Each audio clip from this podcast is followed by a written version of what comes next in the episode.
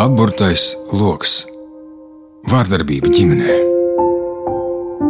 Pēta un analizē Latvijas sabiedriskie mediji sadarbībā ar pētnieciskā žurnālistikas centru Rebaltika.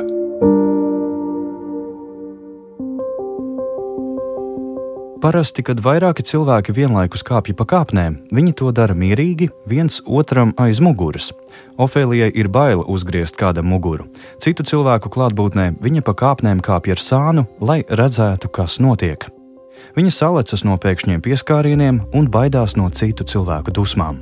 Ofēlijai tagad ir 26 gadi, un šīs ir sekas bērnībā ģimenē piedzīvotajai vardarbībai. Cik bērnu cieši no vardarbības, precīzu ziņu nav. Par varmācību mēdz klusēt pat upuri, bet policistu un psihologu ikdiena ļauj apjaust daudz.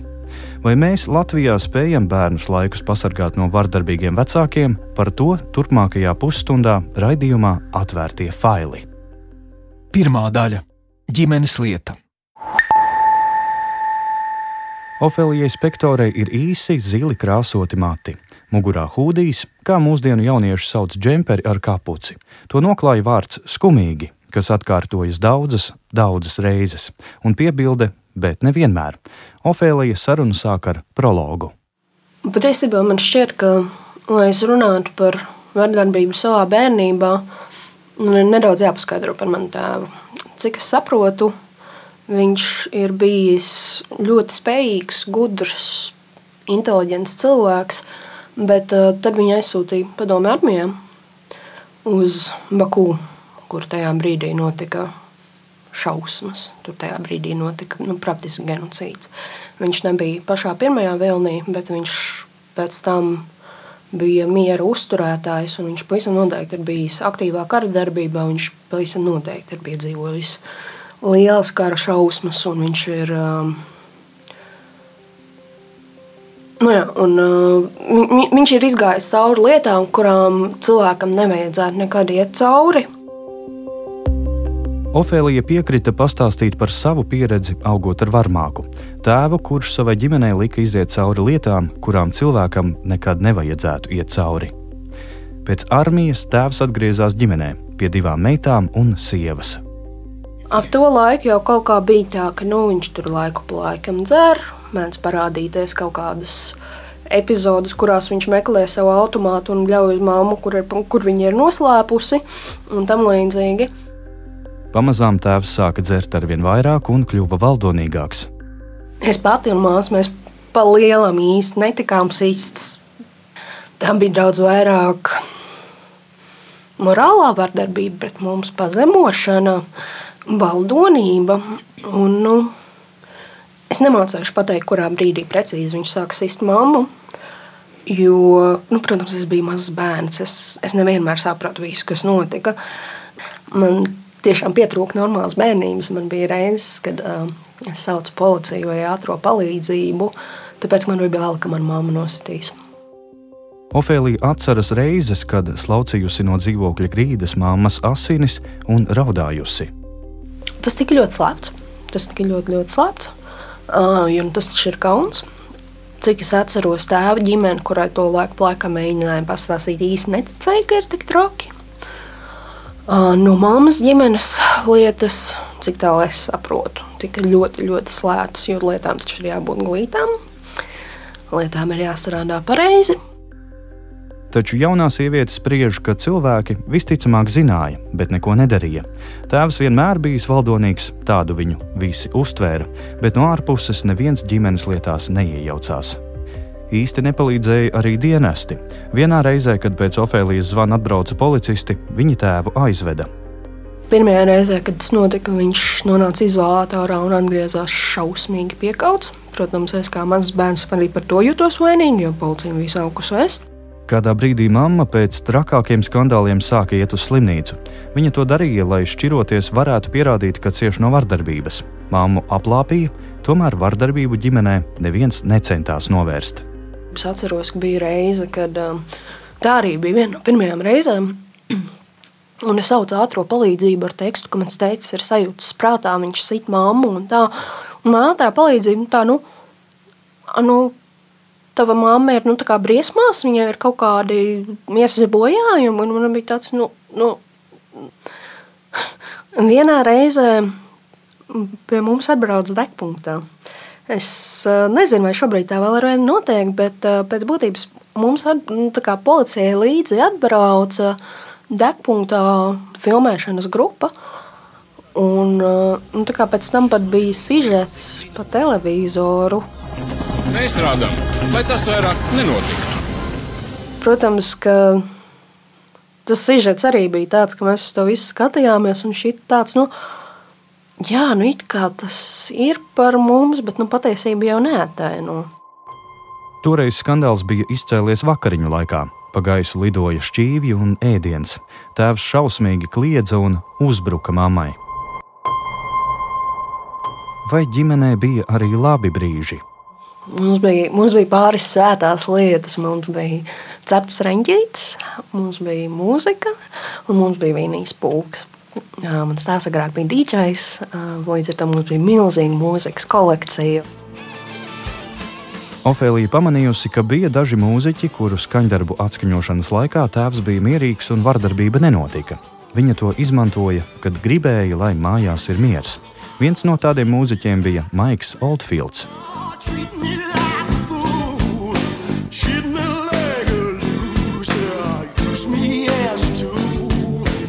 Tēvs labi gatavoja ēdienu un lasīja meitām vinniju pulku, bet viņš bija pilnīgi neparedzams. Nekad nevarēja zināt, kurš tēvs šodien atvērs mājas durvis. Es atnācu mājās no skolas, un viņš tur bija. Man nebija ne mazākās nojausmas, kas tagad notiks. Kurš teica, šodien būs, vai, vai es varēšu viņam tur kaut ko pajautāt par skolu, vai, vai, vai nu, Vai man būs droši vienkārši ieiet savā istabā un pildīt mājas darbus, vai arī uz mani jau vienkārši paskatoties, sāksies kašķis, kurš vēlāk eskalēsies tik tālu, ka it kā kašķis sākās ar mani, bet tajā brīdī, kad mamma atnāk mājās, kašķis turpinās ar mammu, un nu, tad arī nevarēja zināt, cik tālu tas aizies. Tas būs vienkārši kliekšana un aurošana un morāla pazemošana, vai tā jau būs fiziska lieta. Pēc skandāliem diezgan klasiski tēvs mēdza atnest mammai puķīti. Ja tev iesit, ej prom uzreiz, negaidi otru reizi, tā saka Ofēlija. Viņai šausmas beidzās 13 gadu vecumā. Māma saņēmās un varmāku pameta. Pēc šķiršanās tēvs vēl nāca un ģimene traucēja. Ofēlija ar māsu vainoja par šķiršanos, abas sauca par sliktiem bērniem. Ofēlija saka, mamma bija salauzta. Laulību šķīrusi tiesa ar nosacījumu, ka māte varmākam nopērk dzīvokli. Māte tam piekritusi un mitekli nopirkusi kredītā, ko joprojām atmaksā. Viņš nebija tā, ka tēvs aizgāja un viss pēkšņi sākās skaistā dzīve. Tur bija vēl pēc tam milzīgas sekas, un, un tas viss man vēl ar vienu ļoti spēcīgi ietekmēja. Ofēlija stāsta, ka pēc bērnībā pieredzētās vardarbības viņas attiecības ar vīriešiem nav vienkāršas. Man ir, um, man šobrīd ir ļoti skaists četras gadus ilgas attiecības ar savu vīrieti. Un, un, un, un viņš ir absolūti labākā lieta, kas manā dzīvē ir noticis. Viņš man atbalsta, viņš man mīl, viņš man palīdz. Um, bet burtiski pāris dienas atpakaļ bija um, pilnīgi sadzīves negadījums. Es izlēju gultā glāzi ūdens, un manā prātā uzreiz notika tas, ka uz mani tūlīt klieks, mani sitīs, mani sodīs, Un, nu, šī reakcija būs tāda par spīti tam, ka viņš nav darījis pilnīgi neko, kas radītu šādu sajūtu. Tagad attiecību ar tēvu meitai nav. Viņa domā, ka tēvs tā arī neapjauta, ko ģimenei nodarījis. Ofēlija cer, ka tēvs kādu dienu tiks ar sevi galā un meklēs palīdzību. Pašlaik viņa priecājas, ka tēvam nav citas ģimenes, jo nevēlas, lai cita sieviete un citi bērni pieredz to, ko pieredzēja viņa. Tagad viņa saprot, ka nedrīkst notikušajā vainot sevi. Bērnībā bieži to nesaprata. Ofēlija arī mudina cilvēkus apzināties, ka vardarbība kaimiņu dzīvoklī aiz sienas nav viņa privātā lieta. Tā ir visas sabiedrības lieta. Prakse nerunāt par vardarbību ģimenē viņas prāt nāk no padomju laikiem. Bet tas nav attaisnojams. Tas absolūti nav attaisnojams, jo padomju laika beidzās 30 gadus atpakaļ. Tur ir vesela jauna paudze izaugusi, kurai jau ir savi bērni. Tas nav Nē, um, drīzāk es domāju, tam netika pievērsta uzmanība. Mēs tam ļoti, ļoti vēlu sākām pievērst uzmanību. Mēs ļoti, ļoti vēlu sākām pievērst uzmanību tam, ka šīs lietas notiek. Ofēlija pati netika sīsta, taču viņa saka, tēva sitieni mātei sāp arī bērniem. Cik daudzi bērni mūsdienu Latvijā ģimenē piedzīvo vardarbību, vienalga emocionālu vai fizisku, skaidri nav zināms. Otra daļa - cēloņi un sekas.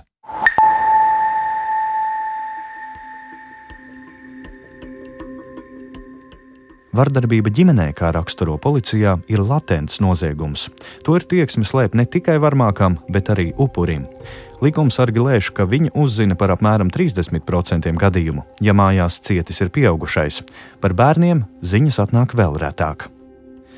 Oficiālā statistika rāda, ka policija katru mēnesi saņem 160 līdz 180 izsaukumus par iespējamu vardarbību ģimenē pret bērnu. Ziņojumu skaits parasti pieauga, kad atklātībā nāk kāds ar ģimenes vardarbību saistīts skandāls. Tad skolas, paziņas, kaimiņi sāk aktīvāk ziņot par bērna regulāru raudāšanu aiz sienas. Apmēram ceturtajā daļā gadījumu vardarbību neapstiprina. Biežāk policijas redzeslokā nonāk tās ģimenes, kuras sauc par sociāli nelabvēlīgām. Tajās vecāki lieto alkoholu, ir skandāli, kuri traucē kaimiņiem, tāpēc izsaukumi ir biežāki. Stāsta valsts policijas prevencijas vadības nodaļas priekšnieks Andis Rinkevits.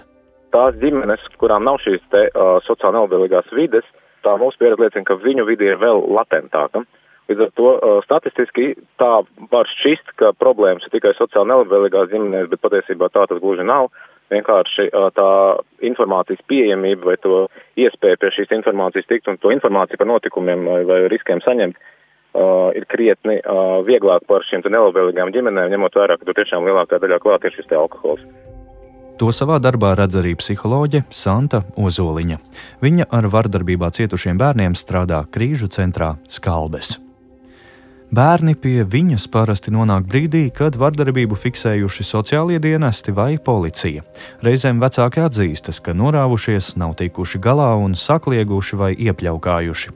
Ozoliņa saka, tās ir salīdzinoši labākās situācijas. Tad var strādāt gan ar bērnu, gan pieaugušo. Taču ir vecāki, kas pāri darījumus bērniem noliedz, vai arī vardarbīgās metodas uzskata par pareizu, stingru audzināšanu. Un tad ir šī grupa, ko mēs saucam par strīdniekiem, kur vecāki šķirās, un, un šis bērns ir ierocis, vardarbības manipulācijas ierocis, jas, aizvainojumā vienam pret otru. Šādu ģimeņu ir daudz. Latvija ir līdere šķirto laulību ziņā. Ozoliņa zina gadījumus, kad strīdi par bērnu ilguši desmit un vairāk gadus. Katrs vecāks mēģina pierādīt, ka otrs ir slikts. Rausta bērnu katrs pie sava psihoterapeita, lai ar tā palīdzību pierādītu savu pārākumu pār otru vecāku. Kliente teica, meitene, 13 gadīga. Viņa teica, es jūtos tā, it kā vecāki viens otram šautu ar bultām, bet tas bults rāp mani. Bērni jūtas vainīgi, ka vecāki šķiras, un jūtas vainīgi pret katru no vecākiem no vecākiem. Viņi viena vecāka klātbūtnē baidās teikt, ka viņi mīl otru vecāku, ja? un šie gadījumi ir ļoti grūti ar viņiem strādāt. Krīžu centrās kalbes un policijā runā arī par tādu izplatītu vardarbības formu kā pamešana novārtā. Turpina policijas pārstāvis Andis Rinkevits. Un lielākoties tie ir gadījumi, kad uh, mēs ierodamies uh, vai konstatējam uh, ka, teiksim, bērns ir uz ielas viens, un viņam, ne, teiksim, vai nu naktas stunda tā ir, vai tā ir mazgadīga persona, tā ir dienas, dienas laikā viņš bez pieskatīšanas ir, un tad meklējam vecākus, un tad viens vai abi vecāki, viņi ir alkohola apreibumā un nav spējīgi, teiksim, pildīt šīs aprūpētāju, ap, aprūpētāju funkciju, un tāda ir liela, liela daļa tiešām no šiem gadījumiem. Taču tā nav tikai dzērāju ģimeņa problēma. Novārtā bērnus pamet arī par sociāli labvēlīgām sauktās ģimenēs, kurās abi vecāki daudz strādā un par bērnu aizmirst. Psiholoģija Santa Ozoliņa saka, jau sen nevar runāt tikai par fizisko vardarbību, jo smagas sekas atstāja arī emocionālā. Viņa skalbēs palīdz arī pieaugušajiem, kuri joprojām jūt bērnībā piedzīvoto traumu sekas. Tas ir iemesls, ka man ir vienkārši ļoti bail no vīriešiem. Jo es nekad nevaru zināt, um, kad viņi zaudēs savaldību. Speciālistu palīdzību 30 gadu vecumā joprojām vajag sievietei, kura par pieredzēto piekrita pastāstīt anonīmi. Sauksim viņu par Mārtu. Viņas balss ir mainīta. Nu, jā, es atceros, kā es strīdēju. Vienkārši, kā, nu, vienkārši tas ir pilnīgi nedabisks stāvoklis. Nu, tev, nevajag, tev nedrīkst būt bail no taviem vecākiem. Jo, ja, ja, ja tiešām ģimene ir visa pamats, nu, tad, tad tas nevar būt cietums. Tēvs bija alkoholiķis, mēdza plostot mēnesi no vietas. Šie periodi bija briesmīgākie, tomēr Mārta domā, ka alkohols nav varmācības iemesls. Viņš varēja būt vardarbīgs arī skaidrā. Man bija ļoti bail uzturēties mājās ar viņu vienai. Um, jo es nezināju, ko viņš darīs, es nezināju, uz ko viņš ir spējīgs. Plosta laikā dažkārt māma Mārtu sūtīja prom pie radiem vai draugiem. Kad skandāli bija lieli, Mārta arī pati muka no mājām. Tu nevari, tu nejūties droši mājās, tu nevari izgulēties, jo naktī sākas psihozes kaut kāds. Te, no tā kā ir delīrijas, kaut kas tiek salauzts, tu nejūties droši. Tu nevari izpildīt mājas darbus arī. Bet otrs tas, ka tu pat nevari īsti arī aiziet pie draugiem, jo tu nevari pateikt viņiem, kāpēc tu nevari šodien palikt mājās. Un man liekas, ka nu, papildus tām bailēm, kas ir mājās, tev ir arī milzīga emocionāla vientulība. Jo tu jūties tā, ka nu, tu esi viens un tu esi nepareizs, un ar normāliem cilvēkiem taču nekas tāds nenotiek. Martas skolā bija psihologs, skolotāja, kura bija izgājusi papildu kursus, bet pēc viņas apmeklējuma nāca papildu trieciens. Par meitenes problēmām zināja visa skola. Ja tas notiek mājās, es domāju, ka tas, tas kauns un vainas sajūta nāk no daudziem apstākļiem. Pirmais, tas, ka tas nekad nav tikai fiziska vardarbība. Tas ir, ir fundamentāla personības izdzēšana kopumā. Tie ir komentāri par to, ka, nu, ja sit tēvs, tad tie ir komentāri mātei par to, ka tu esi pieņemsies svarā, vai tu esi tur tāda un tāda, un tu vispār uztaisīji nepareizu ēdienu. Tur var būt jebkas. Vienreiz, piemēram, mans tēvs um, piedzērās un viņam sākās ārprātīgi agresijas, es nezinu, kā to citādi nosaukt, agresijas lēkme, tāpēc, ka man māte ne tā reaģēja uz, kas tas bija, revolūcija Gruzijā, man liekas. Tur var būt jebkas.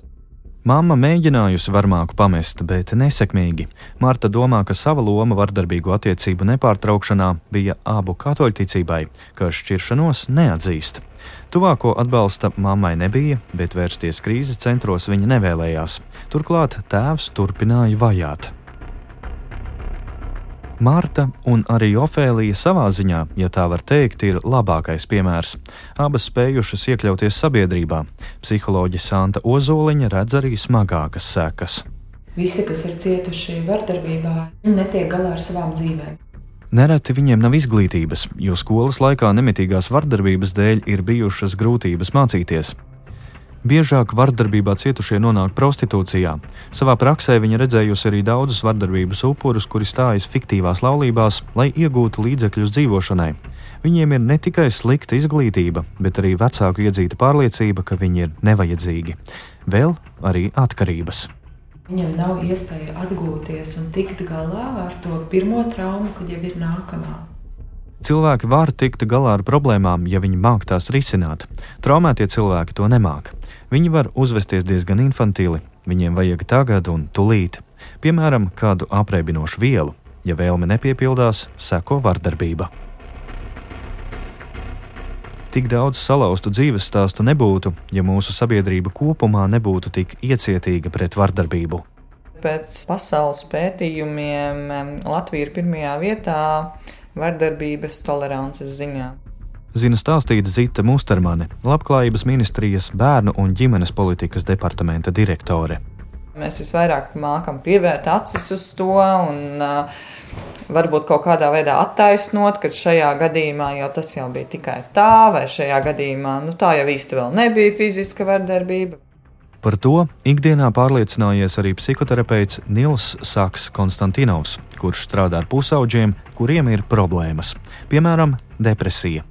Reizēm pat ir tā, ka nevienmēr ģimene saprot, ka tas, kas notiek viņu ģimenē, ir patiesībā bērnam kaitīgi. E, un bieži ir tāds stāsts, ka, jā, protams, ka mums ir tāda situācija, jā, protams, ka tēvs ir vardarbīgs, bet, e, bet viņš ir Latvijā, piemēram, tikai uz nedēļu, pārējo laiku viņš strādā kaut kur ārzemēs. Nu, un, restīvi, ir, ir visādi šādi stāsti, un, par, un paralēli tam visam ir bērns, kuram ir sākušās problēmas skolā, kurš iespējams graizās, kuram ir sākušās pašnāvības domas, kurš vienkārši netiek galā ar, ar, ar dzīvi. Nu, un vecāki nevienmēr sasaist kopā šīs divas lietas. Nu, tad, protams, tas ir veids, kā vērst uzmanību uz to. Vardarbību var samazināt, beidzot pret to izturēties toleranti. Nu, teiksim, mēs nosodām kaut kādus ļoti vardarbīgus gadījumus, ko mēs saprotam, izvarošanu vai kaut kas tāds. Bet, nu, ja kāds spēr mājās savu bērnu, es diezgan bieži runāju ar tādiem vecākiem, kas tā nu, tiešām godprātīgi nesaprot, kur, tā, kur ir problēma. Bet kā laikus pamanīt, ka bērnam, ģimenei ir nepieciešama palīdzība? Trešā daļa - atbalsts un sots.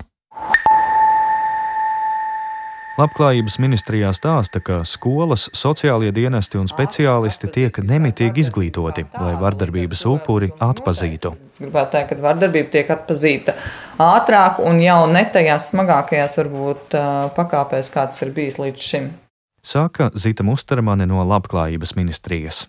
Nē, šobrīd ļoti liels uzsvars tiek nodrošināts uz sociālā dienesta darbu, respektīvi, lai sociālais dienas saulēcīgi ātri spētu iesaistīties problēmu situāciju risināšanā ģimenē, lai bērnam nebūtu jānonāk līdz tam brīdim, kad viņš tiek izņemts jau no ģimenes.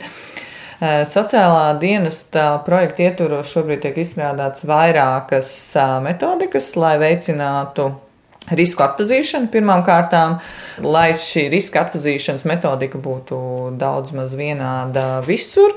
Un līdz ar to tas vien jau ļaus ātrāk atpazīt kaut kādus nezinu, pārkāpumus ģimenē pret bērnu.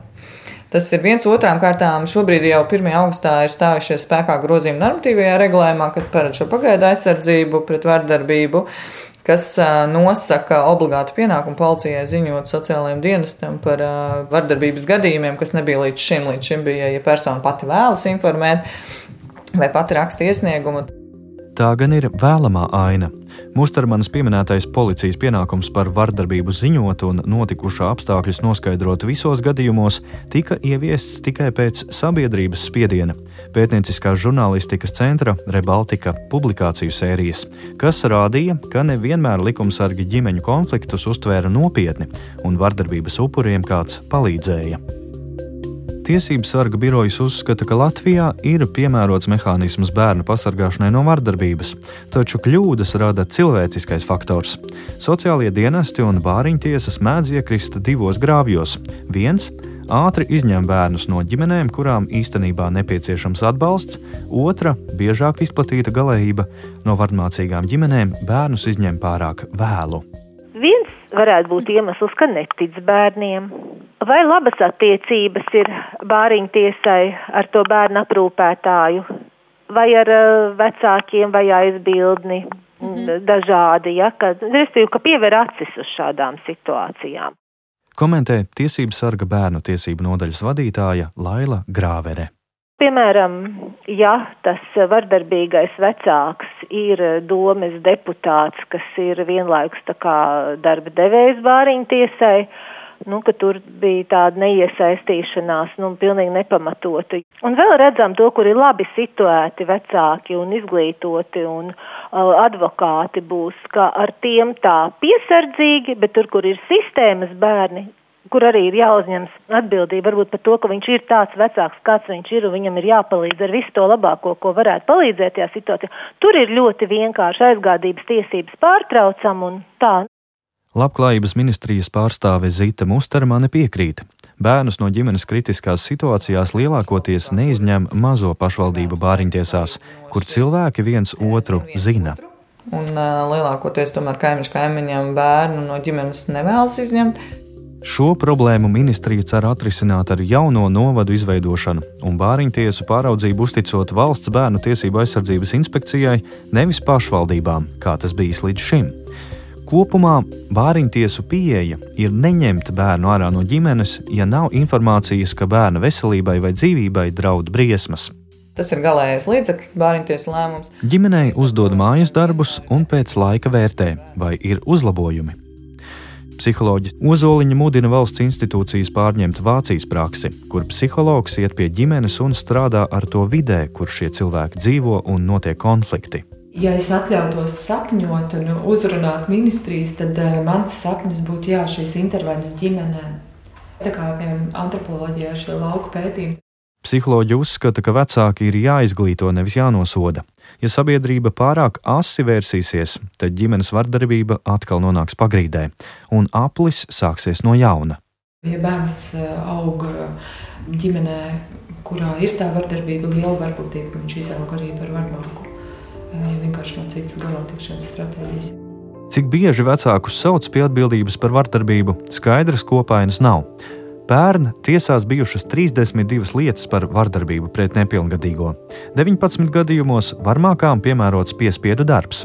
Tiesu prakses apkopojums liecina, ka tas ir biežāk piespriestais soda veids vardarbīgiem vecākiem, jo cietumsodu, pat nosacītu, tiesas uzskata par pārāk bargu taču tiesu prakse arī liecina, ka piespiedu darbs varmākām nav efektīvs soda veids un neatur no atkārtotiem pāri darījumiem. Viņiem būtu nepieciešama sociālās uzvedības korekcija, bet tāda notiek reti. Gan Mārta, gan Ofēlija savas bērnības traumas joprojām dziedē pie psihologiem. Atveseļošanās ir lēna un arī dārga. Turpina Ofēlija. Nu jā, tas, ko es mēģinu pastāstīt, ir man pēc būtības ir iznīcināma bērnība. Es biju vientuļa, pieaugušajiem, nu, protams, tēvs bija pa lielam nepieskaitāms. Mamma bija salauzta, viņai bija jāapgādā ģimene, viņiem bija visu laiku jātiek galā ar visām šīm lietām. Draugu man īsti nebija. Skolā man nu, nu vienkārši nebija kapacitātes un spēka visam pieslēgties, jo loģiski tev visu laiku galvā notiek šīs traumas, nu, šīs briesmīgās lietas. Tev ir visu laiku jāuztraucas. Tu nevari aiziet mājās un vienkārši palasīt mājas darbus, bet eh, tev ir jāuztraucas par to, vai tūlīt atkal sāksies. Nu jā, tas beidzās ar to, ka es nepabeidzu skolu. Um, man ir 26 gadi, es savā dzīvē esmu kopumā algotā darbā strādājusi. Es domāju, ka mazāk nekā trīs. Um, Vidusskolas tā arī neesmu pabeigusi. Marta saka, ja sabiedrība ģimenes vardarbību citādi nesaprot, varbūt tā jāpārvērš Excel tabulā.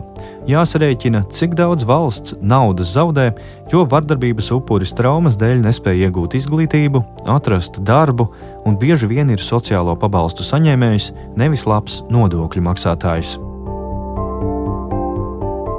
Raidījumu veidoja Zane Mače, Anita Brauna, Reinis Budze un Matīs Budovskis. Klausieties mūsu arī populārākajās podkāstu jeb aplādes platformās. Atvērtie faili!